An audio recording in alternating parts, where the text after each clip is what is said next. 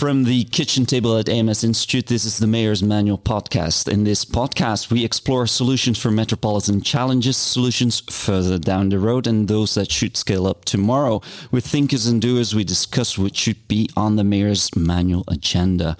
My name is Kenneth Heijns. I'm um, managing director at AMS Institute, and my co-host is Sasha Stolp. Sasha, you're director of innovation, uh, passion for future-proofing the assets in Amsterdam. Um, I think uh, we're particularly privileged today uh, to have such uh, distinguished guests. And actually, we're not at the kitchen table of AMS Institute, but sort of a, a replacement kitchen table. I don't know, so, yeah, somewhere well, at, at Circle. At Circle. Uh, exactly, exactly. We, at Circle in Amsterdam. Yes, fantastic today, yeah. to to be here. Great atmosphere. We we've just had the the kickoff uh, uh, to uh, to a wonderful few days of our San Diego friends over here in Amsterdam. But we're particularly happy to have Carolien Gehrels, Director for the Energy Transition, Global Director for Energy Transition at Arcadis. But we also know her as the uh, former Deputy Mayor of Amsterdam. And we also have on the mic the Mayor of San Diego, Todd Gloria. It's wonderful to have you here. But before I give you the mic, Sasha, why is this conversation important? This is important because we so often talk about thriving cities from the perspective of Amsterdam. So I'm particularly honored today that we look at thriving cities from the perspective of San Diego, but also from the global perspective. So, what should we do on this higher level and then incorporate within our cities to speed up? So, and I hope this conversation is behind the happy story. We have ambitions, we have things to do. How are we going to do that? So, first, can I give the floor to you, uh, Todd? Oh, well, thank you. It's uh, Sascha, I appreciate it. I appreciate being here. I, I'm excited by the chance to learn from a city as great as Amsterdam on what you all are doing. And, you know, they say that uh, good mayors borrow, but great mayors steal. Yeah. And well, so I'm here to steal some good ideas uh, and hopefully take them back to my great city. Um, I, I was struck uh, because y- you had um, sort of the introduction to your agenda in San Diego to, to everyone here. Um, I was particularly struck by that uh, comment, uh, you know, uh, paraphrasing probably you, um, that we're past the happy talk. Um, what does that mean to you in your capacity as a mayor? Well, I think about it more as a human being. And when discussing some of the big challenges that we're facing, I think the most obvious being climate change, a lot of that felt theoretical, uh, particularly when I was young. And then now it's here. I'll give you a quick example.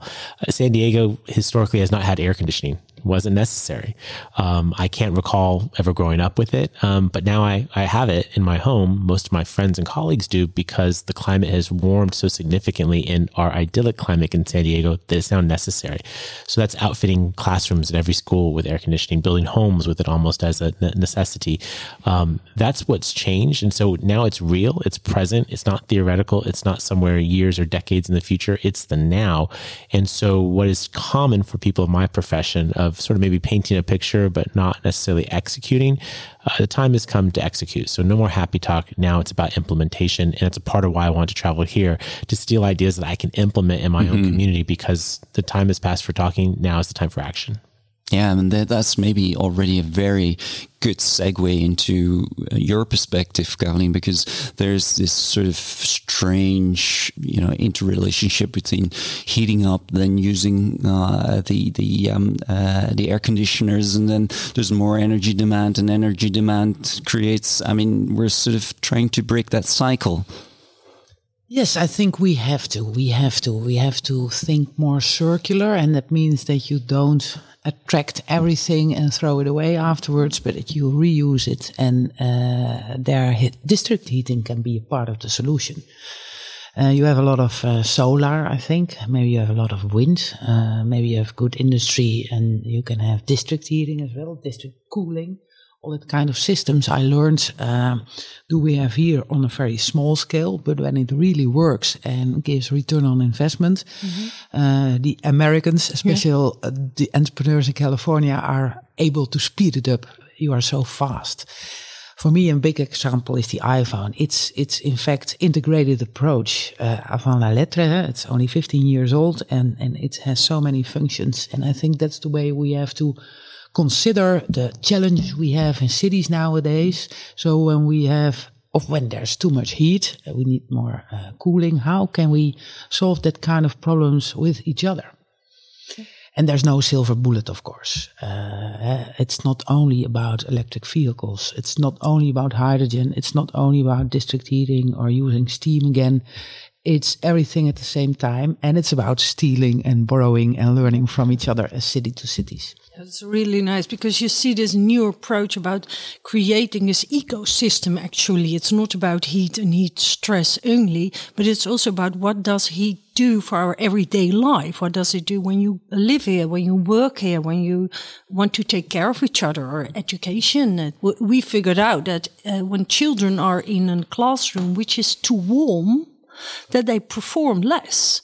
So does climate change mean that children are getting less intelligent? And, and if so, what makes the difference between a school in a rich area or richer area with richer parents compared to a school with poorer parents? And, and is it is the uh, well what is it the difference in education is going to rise due to climate change those those kind of things i think are very particular for our cities. And, and the thing is, we have never dealt with it. Well, we have some experience in uh, here in Amsterdam, a real nice one you can steal, of course. You're free to steal, actually, is that we reuse shower water and we bring this back to the green roofs to irrigate the green roofs permanently and then have the water uh, evaporate so it gives cooling and then it gives cooling to the solar panels on top of that. So you use actually water three times in your house. Well, this kind of experiments we are doing right now to create an ecosystem in which the citizens can thrive. And, and I think this, this kind of examples are real nice, but they're still too small. How are we going to speed up and scale up? Because that's actually a role that cities can take. What's your role in that, uh, uh, Mayor, when when scaling up? And I think uh, Carolien in an earlier session was talking about these iconic examples. Um, but the, the the the sort of the scary thing about, I guess, iconic examples is that they stay sort of unique. Um, uh, so maybe maybe you can uh, sort of talk talk about that for a bit. Yeah, well, you know, there's a saying: if you haven't seen it, you can't be it. And so these iconic examples, you know, make these things real for people, but you hit it exactly right is how do you scale? And I, I do see that as being an important part of my job and really of any mayor or certainly policymaker is when you set out, as we have in San Diego, of a goal of running the city on 100% renewable energy in the next 13 years, what you're doing is creating the opportunity for scale. That you're saying that this is a market, in the case of my city, the eighth largest in the United States, to say we're going to make a substantial commitment to solar and wind and hydropower something that wouldn't be there otherwise. So you take an iconic project. Yes, you can do you know large scale solar, uh, but are you doing it to power a major American city or a world class city? Well, you are now if the city's saying we're going to do this, and that's a part of my job is creating the regulatory environment, the opportunity for the risk that's often associated with these you know uh, often uh, class leading efforts uh, to be successful. Uh, we recognize investment has to have some ability to guarantee a return of some amount. Well when you're putting things to the scale that we can in a city of our size, uh, I believe we're creating that kind of certainty to take an icon and turn it into something that's scalable uh, and replicable. And and you, Carolien, you talk to local governments all over the world, I guess, and one thing that always strikes me from my perspective coming from from a science from a university background is that um, amsterdam really has this approach of you know looking at the as you sasha always uh, put it the assignment the things that we need to do to maintain the city to improve the city all the stuff that we have to do anyways maintain the roads, maintain the bridges, maintain whatever we need to do, houses, and to make that into something valuable. Uh, make it into not. Is, is there someone here walking on top of our roof? This is a multifunctional building. Uh, but uh, how to? Um, uh, do you see cities around the world do that? Sort of get what they, they you know, the, the, most mundane sort of maintenance assignments and, and make that into something valuable to create this snowball rolling into a sustainable city. Yes, I see it. In Paris, for example, um, they snowballed their uh, societal functions by um, creating a new tender process. Within the ring roads, the peripherique, uh, they assigned 25 plots for uh, social functions. for example, affordable housing, or a library, or a hospital, or uh, a museum. And the tender process was not about money. It was about uh, how to fulfill an innovative idea and to fulfill a societal function. And uh, reinventing Paris is a beautiful example of how you can deal in a new way with, um, as a city, your regulatory function uh, to uh, inspire companies to come up with new ideas. And when companies are coming up with new ideas and it works, they will replicate it as well. And then maybe is is there a possibility of as as uh, uh, Mayor Gloria just said, stealing ideas? Is is there a way of sort of coordinating this stealing going on? Because it sounds like if a company like your own company um, sort of looks at Paris, you know, these are uh, things that we can work on, but hey, maybe we can do the same thing in Berlin, or maybe we could do the same thing in San Diego. How does that work from your perspective? Well, we have a network within our company of what we call city executives, and they are there for the city to city learning. For example, we in the Netherlands have regional energy strategies, and now they copy paste it in the UK. Birmingham, Manchester, all that kind of old industrial cities with a big need for a change in their energy system. But I think on a city's level, for sure, you have cooperation with uh, other cities. And I think that, well, can be enlarged as well. As I mentioned, the Port of Houston together with the Port of Rotterdam, and maybe together with the Port of Amsterdam, Port of San Diego. Uh, when you have more hydrogen hubs in the same area, you um, you speed up the change because it's a ask and demand, eh, supply and demand uh, story here. So the more you produce, the more you can use, the faster it goes. Mm-hmm. And I think that's something yeah. to talk about. So here you're saying take your assignment, look who has more or less the same assignment, and align align on the best practices. So you can do it when you're port cities, of course, but every city all over the world maintain their own roads and maintain their own parks usually. And they are, they can have a tender. They, they, they can give the assignment, do it better. We in Amsterdam have the 10% approach. 10% and ask for, ask for 10% always a very innovative question. So then you have the new question for the market, and the market can respond on this. So it's in a broad tender too, exactly the same as in Paris, actually. Yeah. Do you recognize that? I do. Well, I wanted to go back uh, to what was said just a moment ago and kind of asking, like, how do you share this information or, or steal it as the case may be? You know, what I think is interesting, and I've been mayor of San Diego for not quite two years now, is the need to kind of get up and get out a little bit. You know, I think the idea of a mayor is someone who does fill a pothole, who does a ribbon cutting or a groundbreaking uh, in their community and not someone who's on the road. But I don't feel as though I can do this job unless I am at least partially on the road. Majority of the work has to be at home, obviously. But the challenges that we're experiencing maybe this is why I studied history in college. Like mm. I recognize that there's nothing new under the sun, right? Mm. um, that it's often about uh, cycles repeating themselves, and uh, the idea of working smarter, not harder. I mean, to your idea about reusing water multiple times. I mean, this has been seen. Mayors of my city typically haven't tra- traveled anywhere. Um, I'm. We've had these trade missions like the one I'm on right now, absent mayoral leadership forever. Um, I'm choosing to make a different uh, approach to this work uh, because I think the times demand it. Uh, because time is short. Again, we can't keep talking. We have to start doing, um, and so that does require going about. And I don't know how things work here in the Netherlands, but back home there's a lot of skepticism because they haven't seen this before. Uh, but because they haven't seen it doesn't necessarily mean it's bad. And my commitment is always I'll fly coach. I'll stay in the the one star hotel. It's not about a junket. It's about being present and trying to learn from really bright minds and bringing those ideas home for the benefit of the people that that I'm honored to serve. So, um, when you're asking about how you do this, I see a lot of mayors doing this work, mayors of cities that are far smaller, cities and towns in the United States that most folks have never even heard of. But even they too see that it isn't just about filling potholes anymore, although that is a responsible, that's a, that is a required duty. Um, it is about innovating. It's going out and figuring figuring out who, who else is doing what and trying to uh, tailor it uh, to their own home community.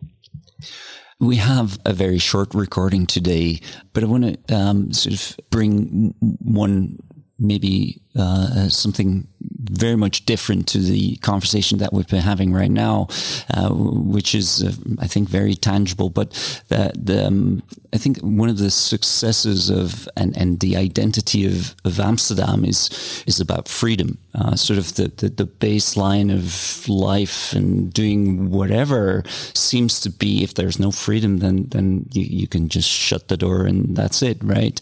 Um, and I remember uh, Carolien reading about this uh, uh, unbelievable story, or at least it touched me, um, uh, that day uh, that um, a certain gentleman from Moscow visited Amsterdam, who's who's in the news quite a bit right now. Um, and um, could you share that story? How you um, welcomed uh, uh, Putin to to Amsterdam, oh and and what that what what that meant, sort of uh, for for for freedom. Yeah, you refer to Spinoza, uh, our most important philosopher. He said the purpose of state is freedom. And Mr. Todd Gloria, Putin visited our city on the 8th of April 2013, so almost 10 years ago. Mm. I used to be the vice mayor, but our mayor uh, refused to receive him a couple of hours before he came into the city and he said, please, maybe you will do it because uh, that was at the time that there was an anti-gay uh, law, and I'm married to a woman, as you know. And uh, he said, "Please do uh, receive Mr. Putin." And that was the reason why I stood there at the entrance. Seven cars came by; just one was with Putin. And he looked at me, shook hands, and went into the museum. So that was it. But it was a wonderful story, of course, because along the canals, all gay uh, uh, communities from all over the world are there and protesting against uh, Putin. They said, Putin, go homo. That was the slogan. but do you? Uh, I, I, am just, I find this such a touching uh, story and such a, a, genius way of sort of making the most out of a very tricky situation. Um, but I, I, I, guess you're also saying you agree with Spinoza. I mean, who are we to disagree with Spinoza, by the way? For sure for sure, for sure, and and and and that is a big uh, responsibility these days, and it's tough eh, because the pressure on cities is high, uh, as you explained as well in San Diego, eh, close to the border, uh, with uh, a lot of poor people from all over the states that are coming to your part of the region because of the wonderful temperature and I think the wonderful beaches. I don't know. I will be there in October and watch uh, how your city life is. But I think in your city is exactly the same high pressure on the city. That's true. We do have wonderful beaches, and you're all welcome, of course. Tell them the mayor sent you. Um, I love that story, though. I, I love, you know, as a gay man, um, the first to represent my city there's a responsibility that comes with this work. And I can't imagine what that must have been like. But there's, in terms of also pressure for you to decline that engagement. But I think there's tremendous power of being present, particularly from a community that has long been shut out. Um, and maybe that to this issue of the big issues that we're describing, you know, that there's a fearlessness that comes from this work that we have endured challenges that are so significant through our entire upbringing uh, that we look at daunting concerns and are undaunted right? That, that we're willing to engage and to try. And, um, that's part of what brings me to this work is that, uh, you know, uh, even on my worst of days, I mean, it isn't, it's anything quite like being bullied in, in, in high school and recognizing that you survived that. We can survive this too. And there's a perseverance that is, um, a part of this work. Um, i am honored to do it. And I, I love that you had that opportunity. Uh, hopefully maybe you whispered a word or two to him about what he does, which is so horrible. Uh, I won't say his name for fear that he might appear. Maybe that would the, the, the, footsteps, the footsteps that we heard just now. um, uh, maybe to to close off this wonderful conversation, and and, and you know, the, the, these seem like wildly different perspectives, but at the same time, in the city, everything comes together, right? And and, and it all has to do with making the city better for for the citizens that live in the in in those. Um, but um, we we always ask that question at the end, and which is a wonderful to be here with with the two of you, uh, being having been uh, deputy mayor, uh, being the mayor of San Diego. But uh, we always end our podcast recording with asking you, um, you know. It, what would be your advice to mayors around the world, maybe to yourself? I'm happy to, to, to start. I would say it's it's you know two years in, so careful you know judge it by how much uh, uh, experience I have. But I, I so I'm 25% Dutch, and I know kind of a uh, this my my, my, grandparents came from all around the world to San Diego right. because of their military service, and then they stayed because our climate is so beautiful and it's such a magnificent place to live. Uh, one of the I think characteristics of this culture is the level of patience and kind of consensus and deliberation, maybe, mm-hmm. as has been told. Um, I didn't get that gene. That didn't get, was not given to me. And so my advice to a mayor, at least in the United States, you know, we have term limits. It's a limited affair. Even if I do an incredible job, I can only do this job for eight years. And the kinds of changes that we're talking about are measured in decades or generations or even longer. So I would say to an incoming mayor is to be impatient. You know, that the change that people are seeking, particularly in the face of acute crises or in the case of voices who have long been marginalized who can now finally be heard, you need to make up for lost time. And so I wake up every day refreshed and challenged with by all that is on the list of things to do, knowing that I have to work quickly.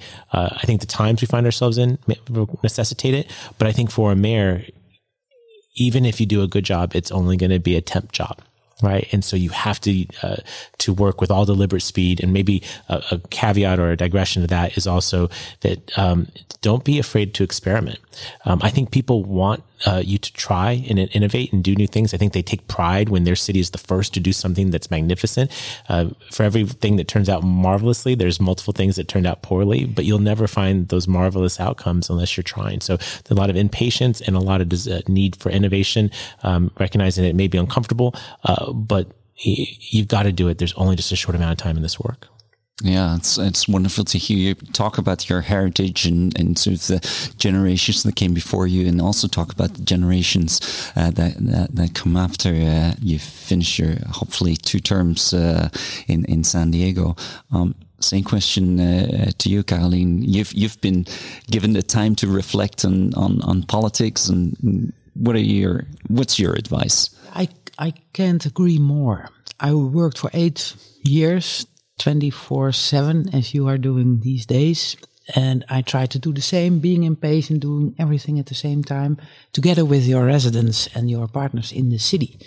Uh, and that's what I try to do as well. Uh, make long-term agreements with universities, with companies, etc. For example, AMS, we agreed on AMS for 10 years. So it was more than two terms. Uh, in the arts and culture, you need to do that as well. Otherwise, you cannot plan. When it comes to energy transition, same story. Uh, when you want to mm. switch to hydrogen, for example, make agreements for 30, for 50 years.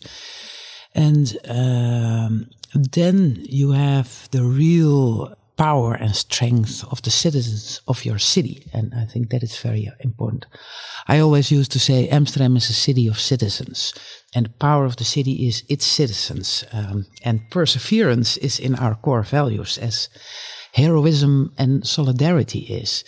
And that was the reason why we came up with the uh, city marketing slogan, I Amsterdam. I am a part of Amsterdam and Amsterdam is a part of me. So we are kind of yin and yang. We are strengthening each other. And as a politician, when you are yin and yang with your city, your good ideas will last and will be implemented and the bad ones will be forgotten. Yeah can I, um, Sasha and I host this podcast, and she always wraps things up at the end. And then just before the conversation, she said, um, "Let's let's not." But I'm going to ask you to wrap it up anyway because uh, I, I, think there's so much valuable uh, uh, stuff that we've heard, and I know you want to reflect on that. Yeah, I love to. Well, the easy thing is to say that's all about legislation, but the thing is, it is about what do you create in the time that you have in the office. And what I heard today is that you're both working and you worked towards an innovation infrastructure. And if you leave this infrastructure behind, what you see is that later on people can connect to this infrastructure. Let's say AMS Institute, but also the municipality. How do we cooperate together? Uh, can we share knowledge uh, between each other? And can we share that again with our private partners and with our citizens? And can our citizens join? So, I wish you for the next six years. Very um, well very happy leadership actually and taking the, the, the leadership necessary to create this infrastructure also for San Diego and of course steal everything you can. And we'll, we'll steal back. we'll we, back. uh, we yeah. will open uh, the doors for you. No if we can we have to. And and in uh, whatever reason because I think that's the only way we can scale up by having this great infrastructure together to work together and to connect. So I think that was the wrap up of today. Thanks, Sasha. Um, uh, many thanks to Carolien Gehrels, uh, Mayor Todd Gloria from San Diego. It was wonderful to have you here. And so we uh, end by saying you've listened to the Mayor's Manual podcast. Again, we thank Todd and Carolien for being our guests today. And thanks to our team, Mace, Scipio, Jalisa. Um, this podcast was produced by the Municipality of Amsterdam, AMS Institute, and made possible by the Netherlands Enterprise Agency and the Ministry of Interior Affairs. Oh, this was wonderful. Thank you for listening. Goodbye. Thanks. Bye.